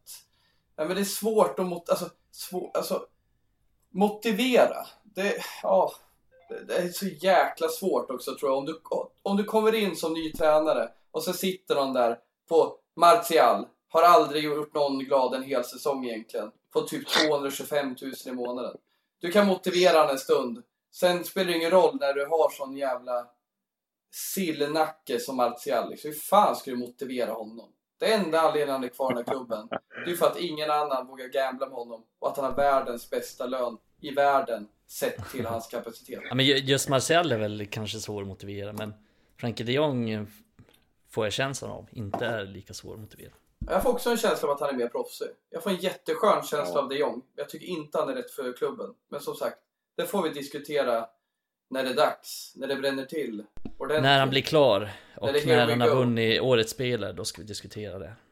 Då sitter du i till Mikael. Du bara, vi skulle ju ha köpt ett ankare. Det går ju inte med Fred och de Jong. Det går inte, inte. Ja, Ja, det är- Väldigt spännande tid vi går till mötes i alla fall nu när sommaren är här. Det, Micke, du sa ju det innan eh, vi började spela in idag att det här är den mest spännande liksom. Man har aldrig sett fram så mycket mot eh, vad som komma skall som man, Nej. som man gör nu. Det är sån nyfikenhet och spännande på samma gång. Man vet inte riktigt om det kommer bli kanon eller Jämför Ja, med förra säsongen, då hade man ju bara ångest inför säsongen. För man visste ju att vi, ska, vi kom tvåa. Vi nådde Europa League-final. Nu ska vi bli bättre. Nu ska vi växla upp. Och vi visste att ja, det är bra om vi kommer fyra, för alla andra lag kommer kliva om oss. Och sen blev man visste att det var konstgjord andning som Ja. gjorde att vi kom tvåa också. Det såg Jag fattar fortfarande inte hur vi kom tvåa. Ah, är släpp det nu. Ja, det ska vi släppa. Vi går vidare. Vi har lite fler frågor faktiskt. Oskar Wallenäs, vår kära eh, skribentkollega. Han skickar in till oss. Vilken spelare i nuvarande trupp skulle Mikael bjuda ut på en riktig fin middag? Och vem skulle han absolut inte vilja sitta mitt emot? Har du funderat något på den här? Nej det har jag faktiskt inte. Eh, Ronaldo skulle jag nog inte vilja vara med. Känns inte som att vi hade klickat så bra. Eh, han känns inte så intressant om jag ska vara helt ärlig. Eh, fan. Det är ju bara de som lämnas som jag vill sitta med. Mata. Ja, jag tänkte på Mata också. Eh, men någon som är lite kul kanske. Ja det är Baji tror jag saker kan hända med det. Det hade vi fin middag med Baji. Han har stuckit Men gaffeln i ögat. En fin middag för mig är någon man kan ha lite eh, utbyte med. Ja men Mata då. Socialt. Bara ge mig bara garva. Ja, jag vet, men det är det som hade varit kul. Snarare. Ja men Mata i så Ja. fall. Ja. Adam då? Du känns som du är djup så här. Ja, jag hade ju suttit och utmanat Luke Shaw. I Fy fan har du föreställningar. suttit där. Ät inte det, ät inte det. Helvete Luke, fan beställer du? Menyn, när han tar fy- fem rätters. Slår bort efter- handen när han står så här med... Ja. ja. När han håller på att slicka på sina fingrar. Efter att han tagit de här hot wings. Ja, nej jag hade nog tagit Luke Shaw. Alltså jag hade fan varit, jag är så jävla nyfiken på honom liksom. Vad är det här som inte stämmer där? Hur man kan ha så mycket talang och ändå så lite, få ut det. Så lite. Är han hjärndöd eller inte? Det ska du ta reda på över, ett, över en flaska vin. Ja. Verkligen. Ja. Ja, jag tycker det var, det var, det var en Du kul då, Emil? svår fråga. Jag vet inte, det pirrar liksom inte att träffa någon. Nej det finns få egentligen som Så- man är Ja, det är sant. Det är ingen du pillar till liksom. Nej, men det är så Nej, jävla men det är väl ointressanta... ingen som känns intressant. Nej, det är så jävla ointressanta karaktärer överlag i fotbollen nu. Jag tänkte det på Ja. nu i slutet av säsongen att när Mike Dean, domarjäveln, slutar. Han är ju fan en av de största profilerna i ligan. Och då inkluderar jag alla spelare. För de är så jävla färglösa. Ja, det är så platt och alla Det finns inte ens någon i Liverpool jag hatar längre. Nej, men det är likadana Instagram-profiler överallt. Och, nej, jag håller med dig. Det är platt rakt igenom alltså. Och City är ju de plattaste av alla. Det är Kevin De Bruyne. Fan vad platt han är alltså. Ja, fy fan City, vad sjukt det är. Vilka robotar. Jag, jag tänker i den här ligan nu, finns det någon intressant spelare man säger? Den här liran vill jag verkligen sitta över en trerätters och prata Erik med. Cantona. Inte bara fotboll. Där Ja, men han är inte så alltså. aktiv längre. Jo, men Ja, det... det, det hade ju varit intressant på riktigt. Ja, det hade det. Fy fan, det är... Det är en av de människor i världen. I hela världen. Som jag hade velat sitta på en middag med. Ja, nej, det, det kan jag hålla med om. Lite äh, händer något där. Nej, jag tänker så det knakar här. Jag vill komma på med något, komma upp med något bra. Jamie Jag Vardy skulle jag tycka Fan, prata om. Men man vet ju allting om Jamie, Jamie Vardy. Det, ja. Ja, men Jimmy Ward är väl inte intressant Nej, heller. han ju, inte. han känns bara som en galen britt. Jag ville prata med någon som är så här, Exakt. jag vet inte, som har lite världsuppfattning. det är okej att prata med Erik Bajy men inte Jamie Vardy. Jag fattar skillnaden. Ja. Ja men Bajy är ju crazy. Nej, Bajy är ju bara jävla en tönt. klassisk jävla... Jamie Vardy är en tönt och Bajy är en tönt. Men Jamie Vardy har i alla fall upp någonting. Han har ju fan tagit sig från division 10 till eh, att vinna Premier League. Erik Bajy, han men jag liksom tänker utanför eh, fotbollsmässigt. besök i rehabrummet. Ja men det enda som är intressant med Vardy är att han snusar. Så det är... Men jag tycker det finns så jävla mycket upptåg i hans liv som jag bara skulle fråga hur fan blev det sådär och bara sådär. Men samtidigt tänker jag, det finns redan de historierna. Det finns det inte fin- om många andra spelare. Gå in på valfri pub så ser du 30 Jamie Wardys. Mm. Mm. Ja, just det. There's only one Erik Bajy. Nej, vi, fotbollen måste... Ja, jag vet en spelare. Phil Bardsley. Phil Bardsley skulle vi sitta och prata om. Om Wayne Rooney, Om. om Sunderland, om eh, Sean Dyche. Ja, men du ville bara eh, prata fotboll. Jag tänkte i de här sammanhangen att man skulle vilja prata med någon som liksom är en intressant människa. Ja, men det inte finns bara ju inga fotbollsmässiga. Nej, det är det jag inser. Nej. Och Och, det och sen Mata, jag vet inte om han är intressant heller. Jag tror vi har trevligt och kul. Men vad då intressant? Ska vi prata om Nej, jag tror inte heller eller? att han är så intressant. Men... Nej, men fan Han vad är- svår fråga det är, men det måste man ju tänka på. Vem är intressant utöver? Ja, det är väl typ Marcus Rashford då, som faktiskt gör något Ah. vettigt på sin fritid. Man är inte så intressant. tror jag. Varför inte? Vad, är intressant då? Är det någon som sitter och läser Vem är en bok? intressant, vad, vad, vad är intressant? Vem är intressant? Men det är ingen som är det. Det är därför jag säger Erik Bajy. Du är lite Ja, men saker fy som kan fan hända. så dålig du är! Erik Bajin. Ja, vad ska Ja, men hända? Att säg han, att någon han bättre sparkar någon United på arslet i Ja, men typ. Ja, fan Ja, men typ. Ja, helt plötsligt blev Phil Bardsley asrolig. Phil Bardsley. Kan inte tänka mig. Phil Bardsley har knockat Wayne Rooney. Liksom. Ja, det Fan vilken tokig jävel det är. Han har spelat i Sunderland och Burnley och Alla spelar i Han har Sunderland spelat i Stoke med Peter Crouch och Jonathan Walters. Vilken jävla hjälte. Han skulle vilja käka burgare. I Stoke- i Stoke och Burnley, då hade du haft många. Där hade du haft många att välja på. Här är något som våra lyssnare skickar för fasen in. Vem, vem i nuvarande United-grupp skulle ni vilja bjuda på en riktigt fin middag och sitta och prata med? Annat än att bara prata fotboll. Vem är intressant? Jag kommer inte på någon. Ja, men det känns som att Mata har bra viner.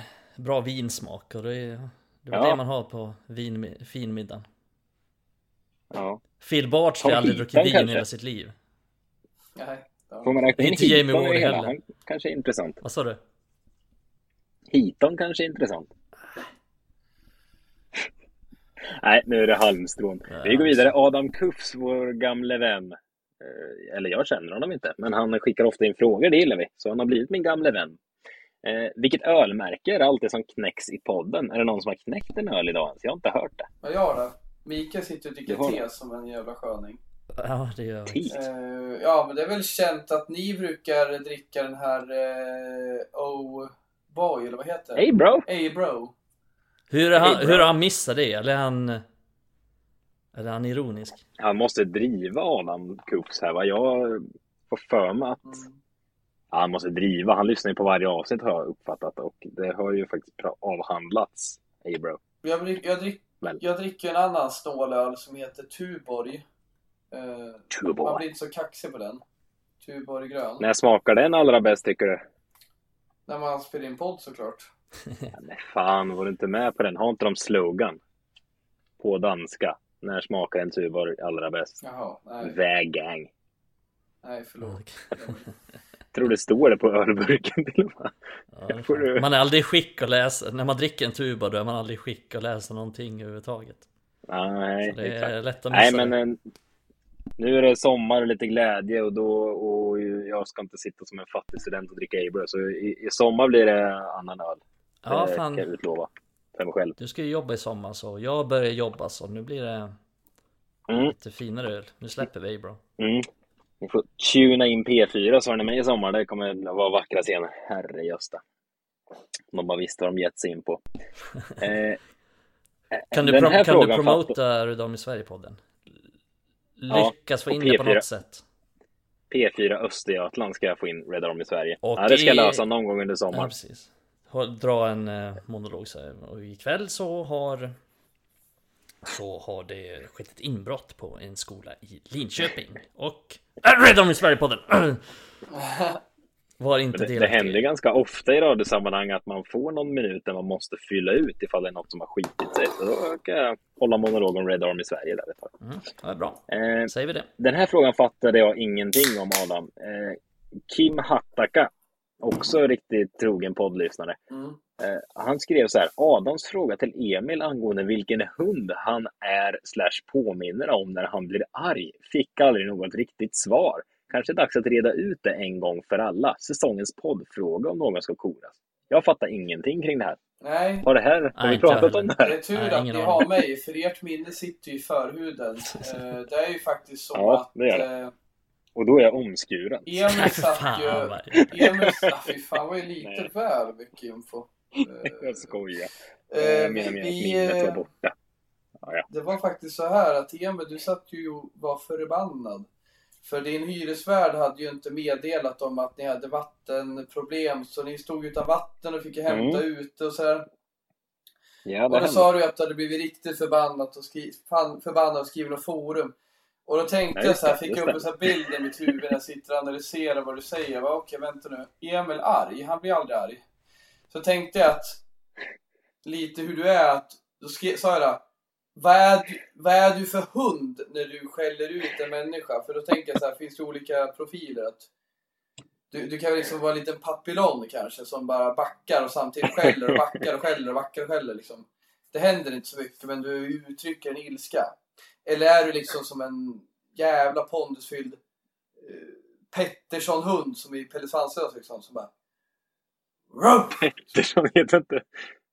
Eller är du liksom en eh, dryg pudel? Och det var lite det som jag tror fastnade hos Kim. Och vi, vi, vi landade inte riktigt i något där. Men, men jag tror nu du är en liten papillon. Men du tyckte inte det. Du eh, var mer eh, för att släppa hundbegreppen. Men där du är liksom är, när du konfronterar någon. Då är inte du skrikig och hässig. Du är snarare lite dryg, djävulens advokat och utmanar personen i fråga. Eh, med lite dryga Mm. frågor. Eh, och, och det kan jag förstå, för jag tror inte du är en sån som skäller. Jag har aldrig varit med om att du skällt på mig. Adam, vad fan har du inte gjort så för? Där Jag fattar varför jag zonade ut i den här diskussionen senast. Kim har suttit hemma på kammaren och funderat över det här i ett halvår. Ja. Jag älskar Jag det. älskar ju det. Jag Ja. älskar att han eh, kommer ihåg sådana där grejer. För det, Ja, det är bara för att du, du får cred här.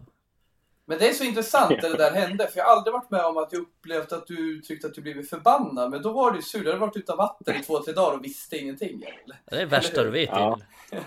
Det är också rimligt att bli förbannad. Ja, Men det, det, det, kan man tycka. Det är korrekt att jag har väldigt långt till att bli förbannad. Det, det, det är långt. Ja. Då är det inte kul. Nej. Då smäller det.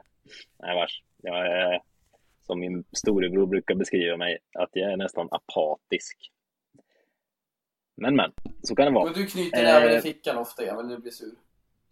Ja, men bli sällan sur alltså. Man ska inte vara sur så ofta. Det är onödigt. Det är ohälsosamt. Sen kan jag vara lite bitter, men det, Ja, det, Det är en annan du. Mm. det ska man vara. Eh, det sista mer frågan tänker eller? jag. Vi är långrandiga. Ja, eller det är vad? vi. Vad vill du säga? Är det mer hälsosamt? Var Eh, bitter? att vara bitter. Det är du och Ja, men man måste, Ja, känns man inte ska vara så. bitter med, bitter med glimten i ögat. Det är viktigt. Ja. Man ska inte gå runt och vara bitter på riktigt. Eh, sista frågan. Vi är ytterst långrandiga här tror jag. Eh, per Johansson undrar. Hur laddar ni inför nästa säsong? Kan det tänkas bli lite pingisträning? ja, det kan det bli om jag får någon typ av motstånd. Så det får vi se om Per erbjuder. Mm. Mm. Vi har ju i alla fall landat i att eh, vi alla ser fram emot eh, både sommaren och kommande säsong. Det är, eh, det är spännande tider, så kan vi väl uttrycka det. Att eh, hålla på United. Förhoppningsvis blir För vi alla glada. utom Jag ska... Nej, exakt.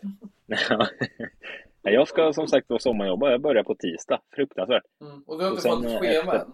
Det är fan helt Nej, det, det. kan ju sträcka ut en arm till P4 Östergötland och undra vad, Ja, vad vi har ju sker bett om egentligen. hans nummer. Ge mig din chefsnummer ska jag ringa och fråga. Så vi vet Adam är ju en sån som skulle ringa också om du skulle ge det. Så det... Ja, jag kommer ringa. Ja, jag vet. Det är och jag är ju konflikträdd, va, så jag hade blivit obekväm när jag kommer dit på tisdag. Va? Emil, du bara sa Men, men. det var någon Adam som ringde här. Ja, din jävla farsa ringde mig. Mm. Just det, Micke har jag sagt förresten. Jag, jag och du min bli- sambo, vi ska ut och... Ska du bli Nej, farsa? jag ska inte bli pappa. Ja, men nej, nej, nej, fan. Ah, herregud, Nej, jag- blir jag ju nästan glad. Ja, nej, vi ska ut och eh, bila i sommar har vi fått för oss. Eh, Kolla läget i eh, norr, norra delen av Sverige. Då insåg jag när vi satt och planerade rutt här häromdagen att jag kommer fan passera Pajala. Och då stannar ni till fan. där. Vad ska jag inte missa? Pajala marknad. Ja precis, vilket... Det beror på när ni kommer. Det är ganska sent faktiskt. Det, det är augusti typ. Där någonstans. Så här vecka 33-34 någonting. Okej, nej då... Ja det är mig du inte får missa. Nej jag kommer inte vara där i augusti då. Har ni någon eh, bra sportbar i Pajala som man kan se United? För säsongen har faktiskt börjat då. Du tror det finns en sportbar i Pajala? Vi är hemma hos Nej. föräldrar. Ja precis, du får gå Ja. hem till någon. Kan bli, kan bli att spela in eh, podd då från Mikaels eh, Ja, det vore kul om du satt där. Jag knackar på. Fy fan vad sjukt. Lite otäckt på dig också. en Janusaj-tröja och ta en A-bro. Ta min Janusaj eller Wilson tröja. En Pajala Sunrise. Ja, en källaren. Sunrise. Ja. Ja. Det vet du vad det är va? Eh, Jajamän. Falukorvsdrinken.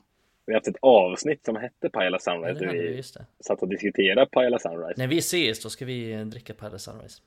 Ja. Mm. Men då måste vi få reda på Emils jävla chipsschema. Så för fan, ge mig numret till chefen så tar vi fram den uppgiften. Ge numret nu! För då kommer det bli podd i inte sommar. schemat. Får jag inte schemat imorgon så ska Adam få numret och då ska du spela in samtalet med så du kan ha med dig. Ja, det kan du ge dig fan på att jag ska göra. Det kommer bli, kommer bli en show. Ja. Eh, innan, eh, innan jag börjar jobba, ni vet vad jag ska göra på lördag va? Det här kan ju vara sista gången ni hör min röst. Nej, ska Jag har du... fått för mig att jag ska sp- springa Stockholm. Marathon på lördag. Så, ja. Jag var rädd att du skulle berätta något om förhuden igen så att...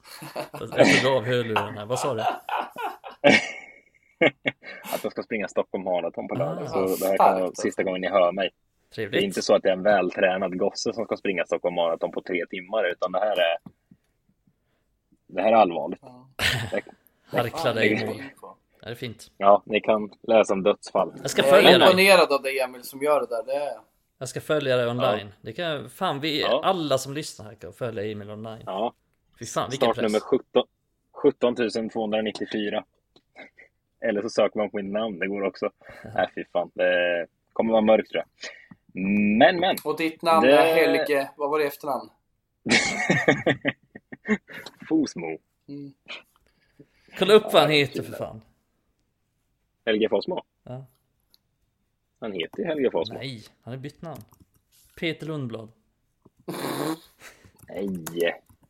Jo, men han har lätt bytt namn. Jag har för mig att jag har sett det. Nu googlar jag här. Peter Lundblad. Iversen. Nej, vi- googla bara. Sångare Peter Lundblad. Han har gått ur tiden. Va? Ja, han sjöng den låten Ta mig till havet. Ja, det är det jag sa just Han förut. heter Helge Iversen nu. Ja, men vad heter Helge Fossmo? Iversen! Hör du illa eller? Är det helt sallad eller? Nu, Helge Iversen. Nej. Jo, det står här. Jo, det står det faktiskt. Ja, det är sant. Okej, där ser man. Men vad trist att Peter Lundblad gått ur tiden. En bra låt. Ta Ja. mig till havet. Det var, det var sju år sedan också, så jag vet inte. Fan. Han kändes som en Thomas Ledin typ. Han ju leva. Yrke, frikyrkopastor. Ja, Det ja. räcker så mycket. Nu läser jag om Helge Fossmo. Född Helge Arnold Har vi slutat spela in eller vad fan gör vi? Nej, vi spelar in tror jag. Ja, det här, jag det här måste folk, folk få förkovra sig. Helge Arnold Fossmo. Sen har han bytt till Helge Christian Iversen. Fan Varför vad, bytte han bort Arnold? vad trist att han, har, att han inte bytte förnamn. Ska jag också klicka av inspelningen kanske nu? Ja. Ja, det Ja. gör vi. Du Fan, måste säga hej. Fan ja. vad sjukt om man typ så här Ja, det måste bytte namn till Mikael. Krekula. Och sen eh, går han och heter det. Har ni stängt av inspelningen? Nej, det har vi inte. Inte jag i alla fall. Nej, vilken tur. Då säger vi hej då, så hörs vi när vi... Eh, när det minsta anar dyker vi upp med något avsnitt. Kanske Det i kan sommar, komma ett till juni silly beroende special. på schemaläggning och sånt. tack för den sången! Tack och, och, och som sagt var, skitkul att ni är med och lyssnar förresten. Det kanske vi ska säga också. Ja, det är så jävla kul. Alltså, jag älskar på. den här feedbacken vi får och alla kommentarer. Det är så jävla uppiggande. Ja, det är, Ja, det är det är fint faktiskt. Något som är oerhört kul också, det är att alltid när jag publicerar podden så eh, det tar sin lilla tid innan eh, jag hinner få ut det på Facebook liksom och, och Twitter och så som Ja, jag du är inte så jävla publicera. snabb. Nej, men det tar sin lilla tid innan länkarna liksom, innan det finns på Spotify så jag kan liksom ta länken och klistra in där. Men eh, då alltid sen när jag liksom har lagt ut det på Facebook efter 10 minuter, en kvart och Twitter efter, alltså en kvart efter jag publicerat det, då kan jag redan då se att vi har liksom 50-60 pers som har lyssnat. Så det, det är alltid glädjande att se att folk klickar igång så fort avsnittet kommer. Eloge till er att ni orkar med, orkar med oss, ska jag säga. Eh, Ja, det får sagt, man vi säga. Det är en eloge faktiskt. Hör jättegärna av er under sommaren också om eh, ni dyker på någonting som ni känner att det här måste ni diskutera. Det här kanske ni måste göra ett avsnitt till för att diskutera. Då eh, diskuterar vi om vi ska diskutera det. Mm. Nog snackat. Eh, ha en fin sommar allihopa så hörs vi förhoppningsvis med positivare tongångar längre fram. Ha det gott tills dess. Ha ha hej! Passa på med kanonerna.